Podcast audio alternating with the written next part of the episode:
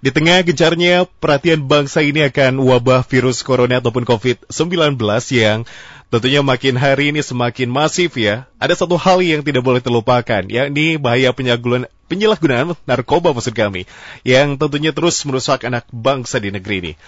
Kita tahu saat ini wabah COVID-19 menyita seluruh perhatian ya, tapi jangan lupa ancaman narkoba yang lebih berbahaya juga di masa depan juga belum berakhir ya hingga saat ini. Menjadi PR untuk kita semua untuk meminimalisir angka kejadian uh, mengenai narkoba ini, begitu ya. Ancaman narkoba di tengah pandemi COVID-19 lengkapnya akan dibahas bersama Arifan Nur Istiqomah, Dr. SPKJK dari KSM Ilmu Kedokteran Jiwa RSUP Dr. Hasan Sadikin, Bandung. Halo Dr. Arifah, apa kabar dok? Alhamdulillah sehat. Sehat Alhamdulillah ya. Ini sudah ya. di rumah sakit dokter atau masih di rumah? Saya sedang kebetulan jadwal uh, kerja di rumah. Oh, kerja di rumah. Masih dalam sistem rolling begitu ya, Dok Iya, ya? jadi rolling ya di Baik. jadwal. ya. Tapi tetap sibuk ya, Dok ya, walaupun di rumah juga karena harus menyelesaikan tugas-tugas juga ya, Dok. Betul, iya, iya. ya. Baik, Dokter, terima ya. kasih telah menyempatkan waktunya untuk bergabung bersama kami pada kesempatan kali ini di Fit Radio ya. Bandung dan membahas ancaman narkoba di tengah pandemi COVID-19. Betul ya, Dok ya? Memang kita ini saat ini fokus di pandemi ini yaitu Pandemi mengatasi betul, meminimalisir ya, ya. angka kejadian uh, positif COVID-19. Tapi hmm. ada juga di sisi lain yang memang menjadi ancaman juga secara langsung begitu ya. Ini permasalahan hmm. narkoba di negeri ini yang tidak kunjung membaik begitu. Bahkan bisa dibilang masih dan selalu ada begitu ya, Dok ya? Ya, betul ya. Hmm. Dokter, ini sebetulnya dampak pandemi secara umum terhadap kesehatan jiwa terlebih dahulu sebelum nanti kita akan membahas ke narkoba ya dok ya. Menurut ya, dokter ya. ini apa dok? Mungkin bisa disampaikan kepada pendengar silakan. Iya, terima kasih. Jadi mungkin kalau dampak pandemik ini ya tentunya bisa berdampak secara fisik maupun psikologis ya. Kalau dampak fisik tentunya kan yang terkena langsung mm -hmm. uh, apa untuk infeksi mm -hmm. uh, virus mm -hmm. COVID ini ya, mm -hmm. gitu.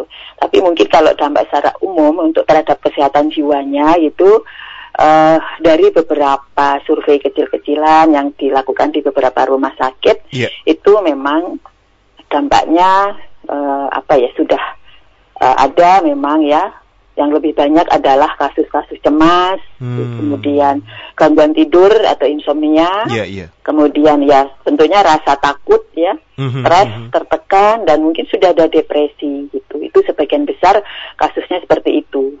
Mungkin rasa takut kan takut tertular yeah. atau justru takut juga menularkan kan begitu ya. Mm-hmm, itu itu mm-hmm. yang mungkin membuat membuat kita kita terhadap mm-hmm. secara umum dan casualnya seperti itu. Baik untuk di masyarakat umum maupun uh, nakes ya yang mhm, menangani mm-hmm. langsung mm-hmm. pasien. Bisa ini, juga ya. begitu ya tenaga kesehatan pun sama ya, beresiko ya, begitu ya, betul. ya dok ya. Iya betul ya. Baik dokter terima kasih. Jadi tentunya dampak dari pandemi ini banyaklah begitu ya uh, dampaknya ya. terutama untuk kesehatan jiwa. Tadi macam-macam juga yang disampaikan ya, ada ya. cemas, ya. takut hingga depresi begitu ya, Dok. Ya, dok ini ya. menurut pandangan dokter ya, di ya. saat awal pandemi ya mungkin kurang lebih di bulan Maret kemarin begitu ya hingga saat ini di akhir Betul, Juni ya. ada ada perubahan ataupun pergeseran dari sudut pandang kesehatan jiwa masyarakat. Saya lihat untuk saat ini agak sedikit lebih acuh begitu, Dokter. Keluar sudah oh. berani, olahraga dan lain sebagainya, Dok. Uh, mungkin dokter punya pandangan tersendiri mengenai hal itu? Kalau saya melihat ya memang ini kan apa ya tergantung juga dari apa kepribadian seseorang ya hmm. dan mungkin juga tingkat pengetahuan mereka yang mempengaruhi perilakunya ya ketika kita dilakukan lockdown apa itu pembatasan PSBB dan sebagainya kan yeah, yeah. masih ada masyarakat yang juga dalam tanda kutip itu bandel gitu ya betul cuek seperti mm -hmm, itu mm -hmm. ya mungkin ini karena bisa jadi ini saya karena tidak melakukan survei ya, mm-hmm, jadi mm-hmm. tidak berani. Bisa jadi mungkin karena ah sudahlah acuh acuh saja. okay, Ada okay. yang merasa oh saya ini sehat lah, nggak mungkin mm-hmm, terkena mm-hmm. penyakit. Saya toh masih muda, sehat dan saya kebal misalnya seperti itu. Mm-hmm. Atau memang ada rasa apa ya, uh, ya acuh tak acuh tadi cuek, mm-hmm. bandel mm-hmm. atau ada yang mungkin ah, kan kalau sakit atau mati kan juga itu sudah takdir seperti itu ya. Baik. Kalau melihat itu indikatornya memang luas ya dok ya, karena secara individu ini karakteristiknya yeah. berbeda-beda ya dok, betul ya? Ya. Baik, terima kasih pandangannya dokter. Nah, ini kalau kondisi seperti ini ada kaitannya ataupun hubungannya dengan obat-obat terlarang, narkoba begitu dokter? Atau sebetulnya tidak ada sama sekali atau bahkan angka kejadiannya bertambah dokter di tengah pandemi ini? Maksudnya apa misalnya apakah penggunaan narkoba iya, ini karena mempengaruhi mempengaruhi perilaku mereka mm-hmm. atau dengan adanya dampak pandemik ini nanti berakibat ke penggunaan narkoba begitu. Ya, boleh. Ini, Kang Reki. Boleh dua-duanya, dokter. Di, oh, dua, di dua sisi ya. saja. Karena ya. mungkin ada kemungkinan ya, ya dua-duanya. Ya. ya, karena ini kan uh, kasus apa pandemik narkoba apa pandemik apa uh, COVID iya, ini yeah, kan yeah. baru mulai yang ini kan memang awal awal tahun sudah ada ya, tetapi betul, yang betul. pandemi yang mengenai seluruh benua itu kan baru mulai Maret ya mm -hmm. sampai saat ini. Yeah. Jadi mungkin survei yang untuk terhadap penggunaan dampak terhadap penggunaan narkoba mm -hmm. belum ada ya, Kang Regi ya. Oke okay, oke. Okay. Tapi perkiraan mungkin bisa jadi terhadap dengan adanya tadi ya, terutama terhadap keswa tadi yang berdampak ke takut, mm -hmm. stres, ya cemas, ada gangguan tidur, depresi, mungkin bisa jadi meningkatkan uh, apa terhadap penggunaan obat-obatan uh, apa narkoba ya, mhm, terutama mm -hmm. mungkin golongan yang uh, sedatif hipnotik gitu ya, untuk menenangkan seperti itu. Kemungkinan bisa jadi Baik. itu ya. Itu untuk orang yang mungkin belum belum mem memakai itu ya. Kalau yang mungkin sudah memakai bisa jadi juga karena dia merasa ini cemas apa karena orang-orang yang menggunakan narkoba itu kan sebagian besar komorbid dengan gangguan kepribadian, mm-hmm, dengan mm-hmm. mungkin sebetulnya sebelumnya sudah ada cemas, iya. depresi yeah. dan gangguan psikiatri lainnya. Ini mungkin juga akan menambah meningkatkan penggunaan uh, narkoba bagi yang sudah menggunakan seperti itu, ya. Kemudian juga ya dampak apa namanya uh, kalau yang menggunakan narkoba tadi bisa mm -hmm. jadi mhm. juga meningkat gitu. Itulah penjelasan dari saya. Tapi saya belum bisa menyimpulkan karena mm -hmm. ini perlu satu survei ya Kang Regi ya. Iya, iya, iya. Ya. Baik, dokter. Jadi tentunya memang kalau misal uh, ambil contoh begitu ya public figure beberapa waktu lalu yang tertangkap karena alasannya memang ini di tengah pandemi tidak ada aktivitas di rumah saja, akhirnya ganggu dengan rasa kecemasan, insomnia, istirahat, yeah. akhirnya menggunakan obat yang sebetulnya yeah, memang yeah. dilarang di negeri ini. Apakah kasus tersebut juga menurut pandangan dokter begitu ya? Banyak terjadi juga di tengah masyarakat dok karena mungkin kondisi seperti ini tidak ke mana-mana, akhirnya insomnia, pengen tenang, yang sebetulnya mengkonsumsi obat yang dilarang di Indonesia dok. Ya, kalau untuk yang tadi public figure terutama artis-artis, mungkin kan mereka memang hidup di dunia yang apa namanya kayak jasa ya mereka misalnya mm-hmm. bintang apa yang artis sinetron dan yeah, sebagainya yeah. dengan ini kan berkurang jobnya ya kan mm-hmm. sehingga tentunya akan berdampak ke ekonomi dan ini menimbulkan satu stresor sendiri gitu kan okay. itu juga akan mungkin karena dia ada rasa cemas takut dan sebagainya mm -hmm. dituntut dan sebagainya untuk mm -hmm. keperlu apa ke ya kebutuhan keluarga bisa jadi itu yang menimbulkan dia jika pakai gitu ya. Hmm. Kemudian juga karena dia ah nggak ada aktivitas gitu ya. Iya yeah, iya yeah, ah, yeah. Nongkrong-nongkrong di rumah gini-gini apa gitu dan salah satu faktor misalnya dia terus menjadi merokok itu memang iya ya. Mm-hmm, terus mm-hmm. mungkin nongkrong walaupun dilarang social distancing itu tapi kan mungkin bisa jadi ada orang yang masih bandel gitu kan. Yeah, yeah, kumpul yeah. nongkrong nongkrong misalnya. Terus uh, karena nggak ada aktivitas sudahlah main game saja gitu. Nah karena ini uh, main game merokok nongkrong malam itu juga merupakan faktor risiko dari seseorang menggunakan uh, narkoba. Jadi bisa jadi memang meningkatkan. Tetapi uh, kalau yang sudah kasus-kasus yang kemarin ditangkap itu sepertinya kan sebelum COVID pandemik dia sudah memakai ya. Hmm, begitu ya. Ya, ya hmm. kalau nggak salah itu okay. kan sudah mengaku sudah memakai. Hmm, hmm, ya. Hmm. Baik, tapi, tapi bisa jadi bisa ya. Tapi karena faktor ekonomi, hmm, kemudian hmm. sepi sepi job itu kan, dia stres dan sebagainya, hmm. ya untuk mengurangi itu dia pakai. Dan tidak ada aktivitas lain, dia dia juga bisa pakai itu itu. Jadi bisa memang bisa ada tapi dia tak perlu suatu mm -hmm.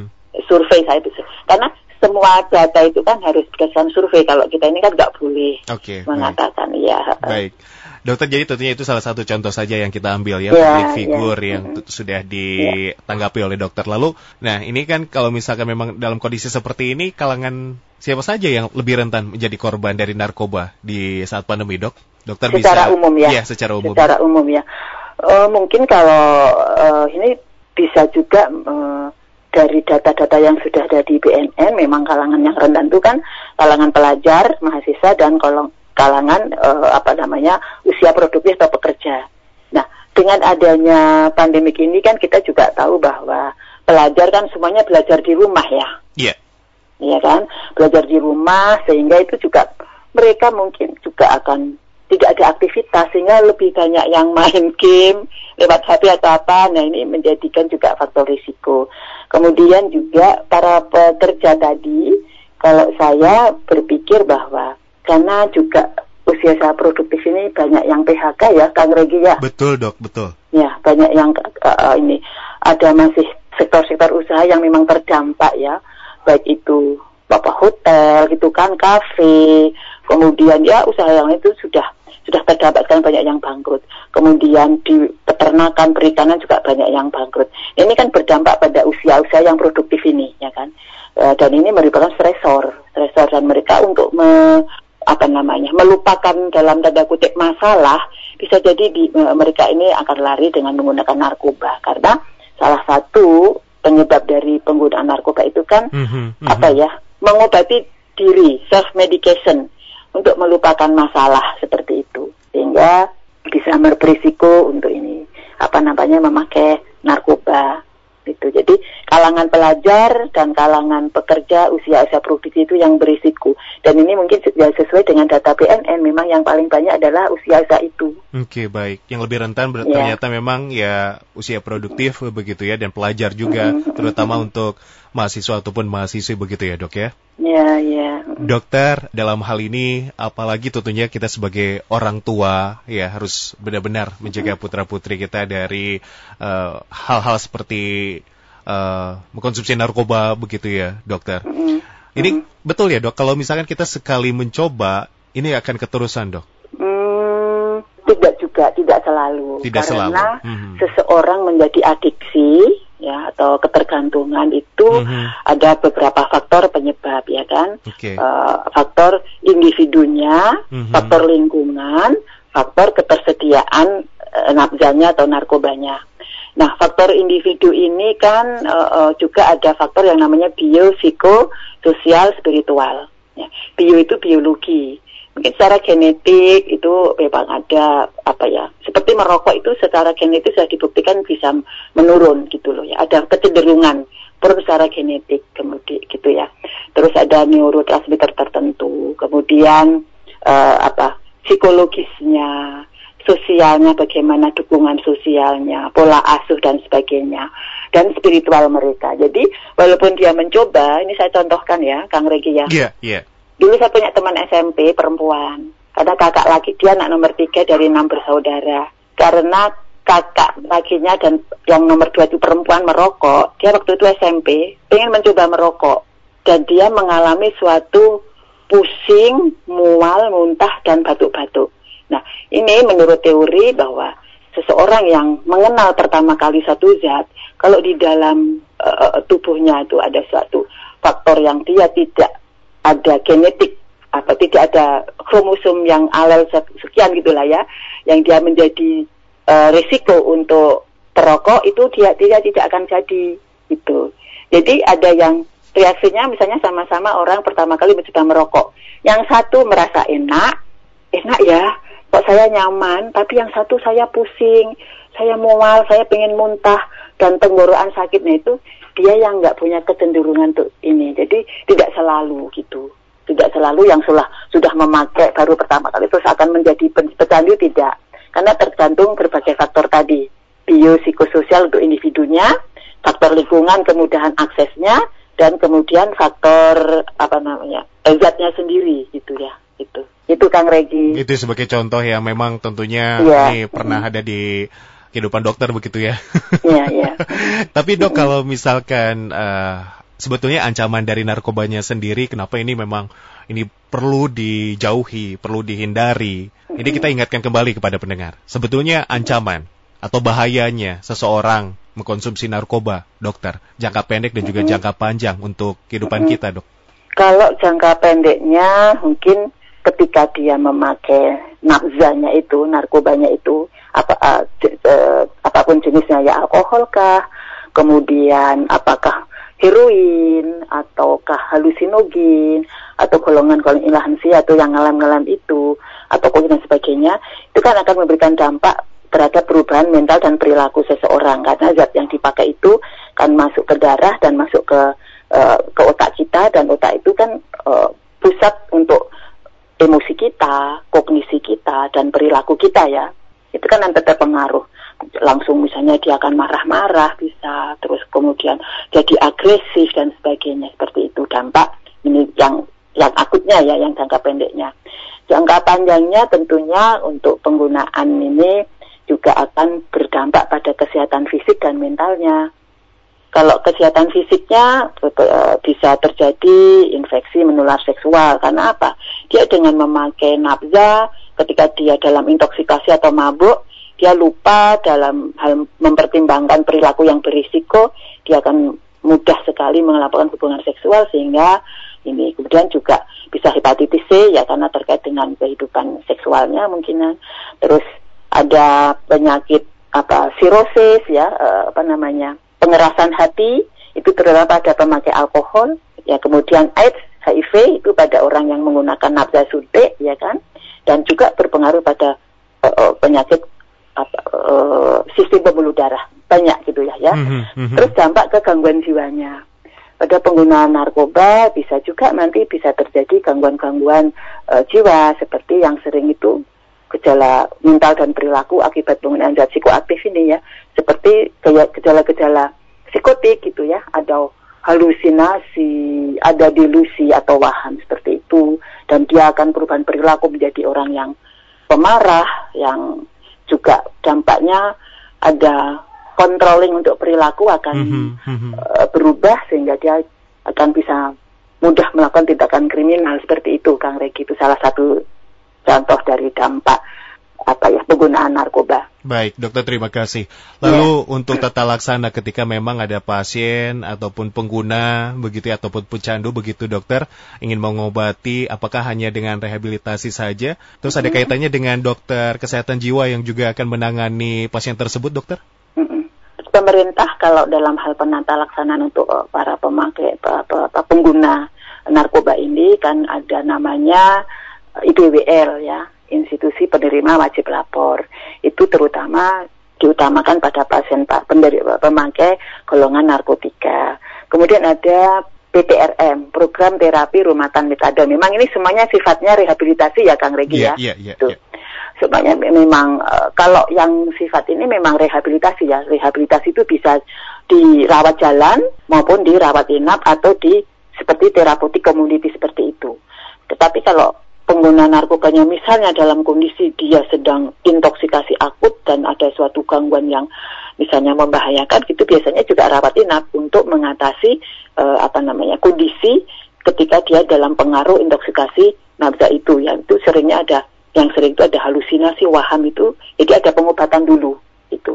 Jadi ada pengobatan perawatan dan nanti juga ada rehabilitasi.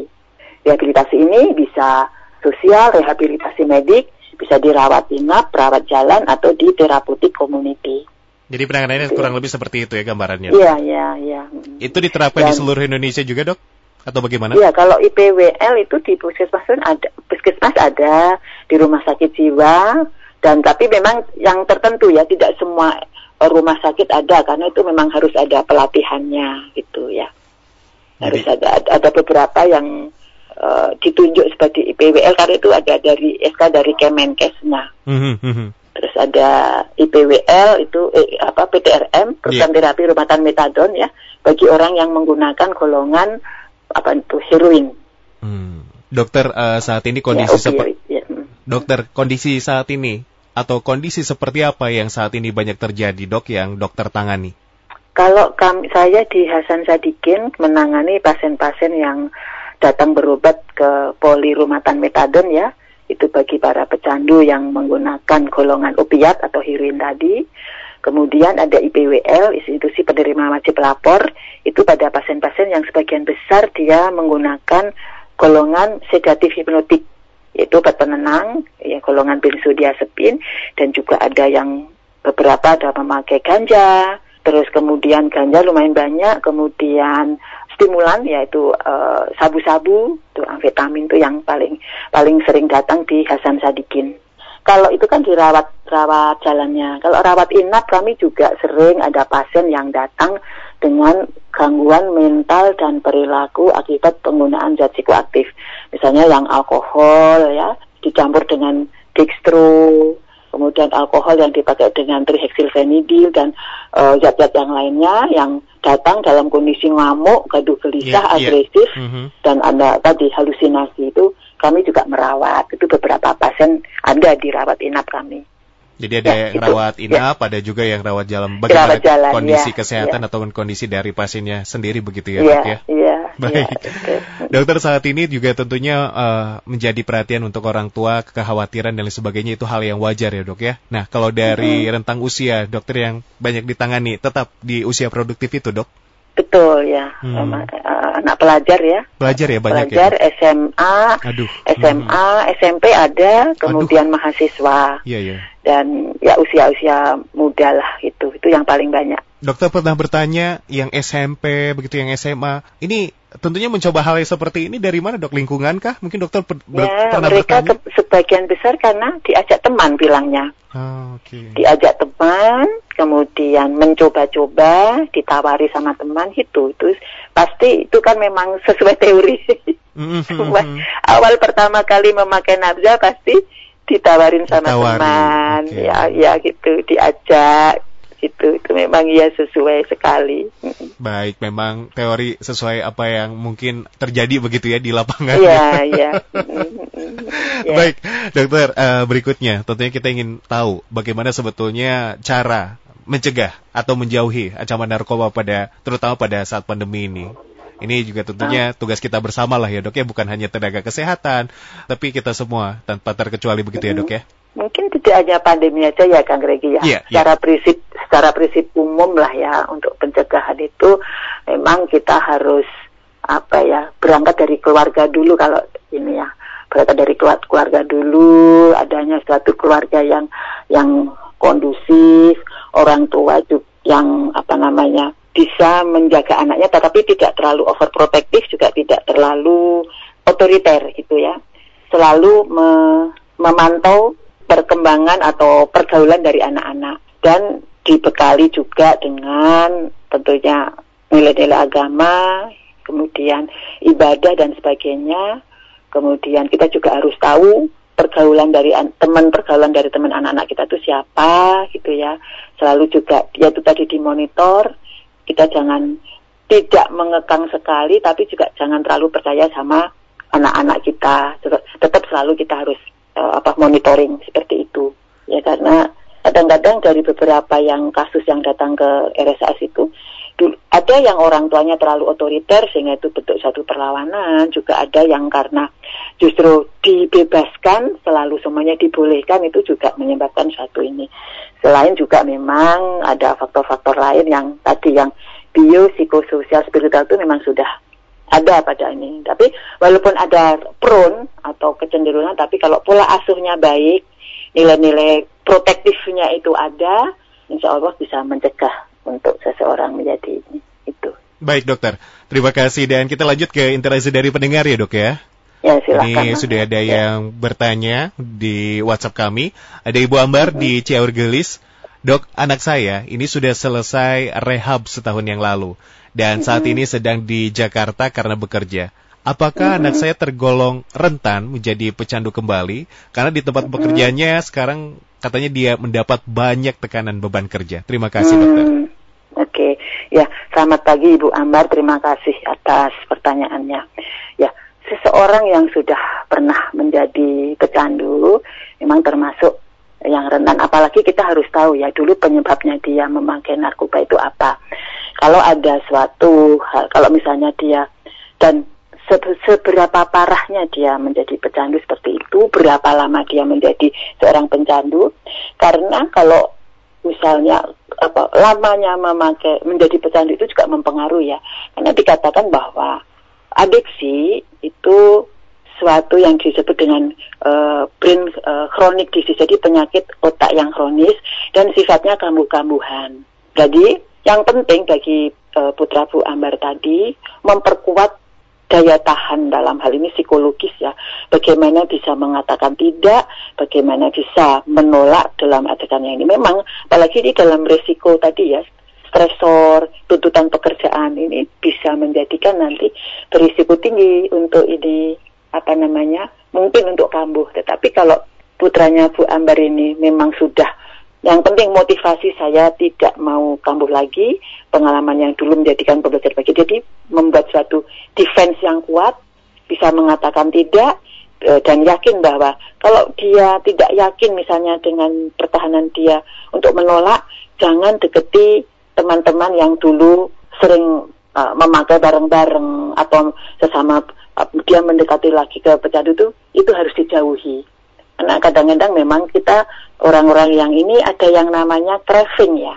Craving begitu dia diingatkan pada sesuatu uh, benda atau suatu memori terhadap satu dulu dia pakai apa misalnya uh, sabu misalnya dia inget bomnya dulu ada kata bom itu langsung apa ya shoot gitu di pikirannya langsung ada craving pengen pakai lagi gitu seperti kita kalau misalnya uh, memori kita, kita punya makanan kesukaan. Begitu seseorang cerita, oh makan ini misalnya, gudeg misalnya, aduh langsung kan kita terbayang uh, langsung keluar air liur lah apa gitu ya, pengen makan. Itu seperti itulah intinya craving. Jadi eh, untuk Putra Ambar saya uh, pesan aja harus kalau misalnya tidak yakin dengan apa daya pertahanan diri tidak bisa menolak jangan hmm, dekati hmm. teman-teman yang dulu tempat dia bergaul yang dia menjadi petandu narkoba itu kemudian perkuat diri dengan uh, motivasi yang tinggi dengan ya beribadah sesuai agamanya gitu ya dan apa namanya manajemen stresnya ya supaya karena stresor yang tinggi juga akan berisiko untuk memakai nafza lagi. Itu mungkin Bu Ambar yang bisa saya jawab. Baik dokter, terima kasih dan Ibu Ambar ya. demikian tanggapan dari dokter. Satu lagi ada Mas Budi. Selama PSBB ini jam tidur saya sangat berantakan sampai saya ketergantungan minum obat tidur setiap malam. Hmm. Nah, kalau hmm. tidak minum obat tersebut, ini saya tidak bisa tidur, Dok, dan pasti emosi saya tidak stabil esok harinya. Hmm. Nah, apakah hmm saya yang sekarang ini bergantung dengan obat tidur termasuk kecanduan obat-obatan juga katanya dari Bapak hmm. Budi atau Mas Budi. Dokter silakan. Oh iya. Ya, terima kasih Pak Budi atau Mas Budi ya, karena nggak tahu. Iya, iya. Ya, ya. Apabila seseorang ya sudah terbiasa memakai obat-obat penenang atau eh, jenis narkoba lainnya, kemudian ketika dia menghentikan terjadi perubahan emosi atau perilaku, dia mungkin sudah ter, termasuk orang yang uh, ketergantungan.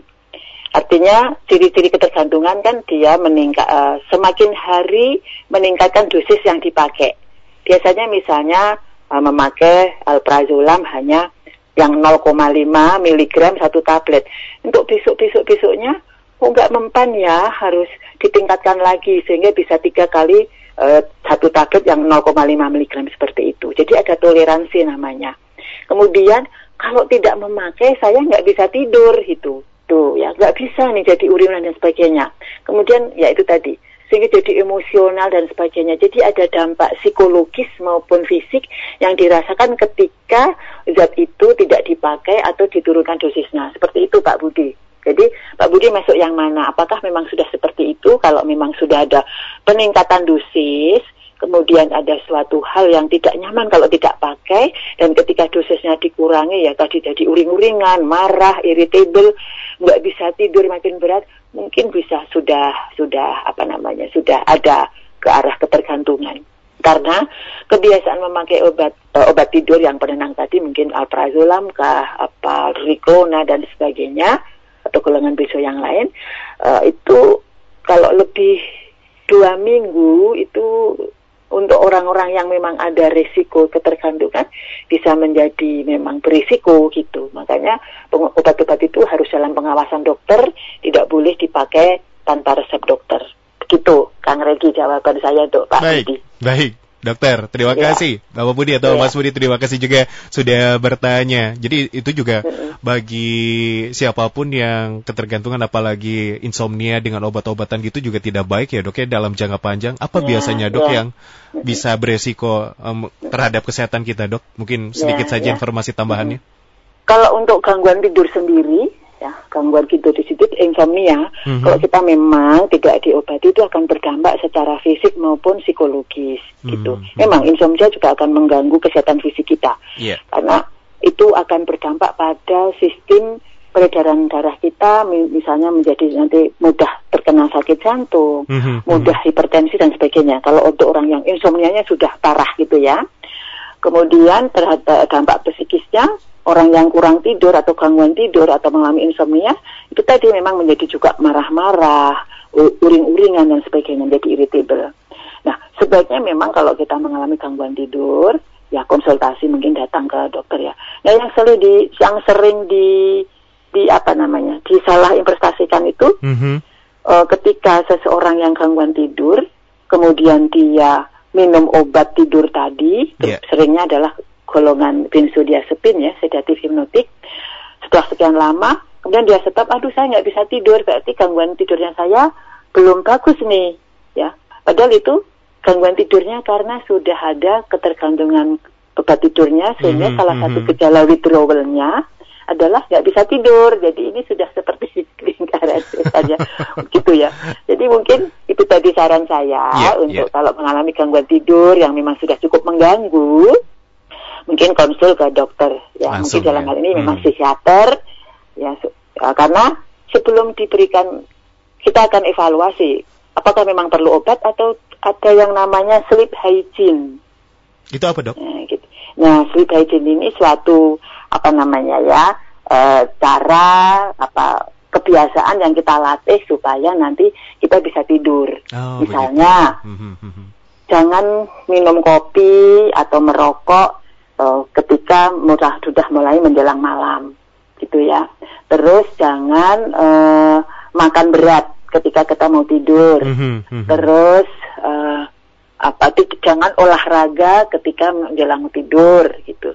Karena ini juga akan menambah menjadi insomnia bagi orang yang sudah ada gangguan tidur gitu.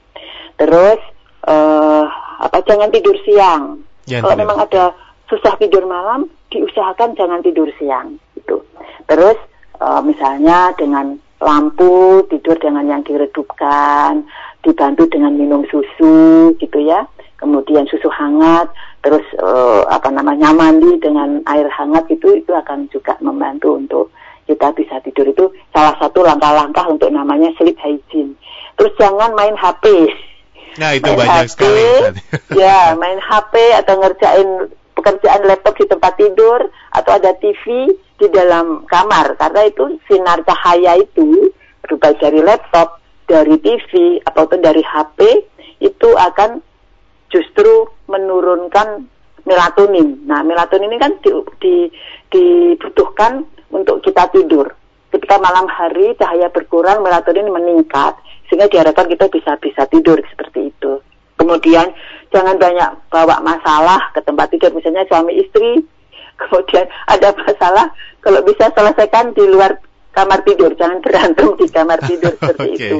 Itu nanti menjadi jadi berpikiran semalam ya nggak bisa tidur seperti itu. Baik, dokter Iya. terima kasih informasi tambahannya karena memang ini waktu Iya. terbatas dokter Eh, Iya. terakhir terakhir dokter eh, berkenan untuk menyampaikan dukungan kepada rekan sejawat kepada pasien COVID-19 kepada seluruh masyarakat yang terdampak COVID-19 dan juga tentunya closing statement. Maka dokter. Ya, sepertinya suatu hal yang sudah ya, ya karena ancaman pandemik ini belum eh, tahu kapan akan berakhir ya, dan justru dengan adanya new normal ini, sepertinya apa ya, kasusnya malah makin meningkat ya Kang Regi ya. Iya, WHO iya. juga sudah Hmm, mengatakan hmm. bahwa di seluruh dunia kasus meningkat ya. Jadi kita sebagai masyarakat dan juga tenaga kerja di bidang apa pun, terutama tenaga kesehatan, tetap harus waspada ya, tetap melakukan apa yang menjadi anjuran dari pemerintah, yaitu terutama selalu untuk cuci tangan, Nah, jangan lupa memakai masker ke mana pun, pergi batasi aktivitas yang tidak perlu, masih juga, masih kita jaga untuk tetap melakukan social distancing dan physical distancing. Ya dan tentunya untuk motivasi kita harus tetap semangat. Ayo tetap berperilaku hidup sehat dengan mendukung tadi langkah-langkah untuk mencegah penularan COVID-19 dari dari kita sendiri, kemudian lingkung keluarga, masyarakat sekitarnya. Kalau ada yang ini kita harus berani menegur itulah, Kang Regi kalau yeah, saya, yeah. ya mm -hmm. dukungan saya itu mm -hmm. aja Kang Regi, ya. Itu saja dokter? Iya. Baik, dokter terima iya. kasih sekali untuk kesempatan iya. hari ini telah bergabung bersama kami dan insya Allah apa yang disampaikan juga tentunya bermanfaat untuk kita semua dan paling penting adalah mau di tengah pandemi ataupun di luar pandemi juga mengenai narkoba ini selalu menjadi ancaman untuk kita semua. Mudah-mudahan ini juga anak bangsa kita generasi berikutnya ini juga terbebas ya. dari narkoba ya dok ya, ya begitu ya dok ya, supaya ya, sehat. Ya. Dokter terima kasih selamat ya. beraktivitas di rumah selalu jaga kesehatan dan salam ya. untuk keluarga ya dok ya. Ya, ya sama-sama Kak Reki terima kasih untuk Kak Reki dan semua pendengar Radio Fit ya. Baik dokter, terima kasih. Ya. Demikianlah bersama dokter Arifah Nur Istiqomah, SPKJK dari KSM Ilmu Kedokteran Jiwa Rumah Sakit Umum. Dr. Hasan Sadikin Bandung yang telah bergabung bersama kami berikan informasi untuk Anda mengenai ancaman narkoba di tengah pandemi COVID-19.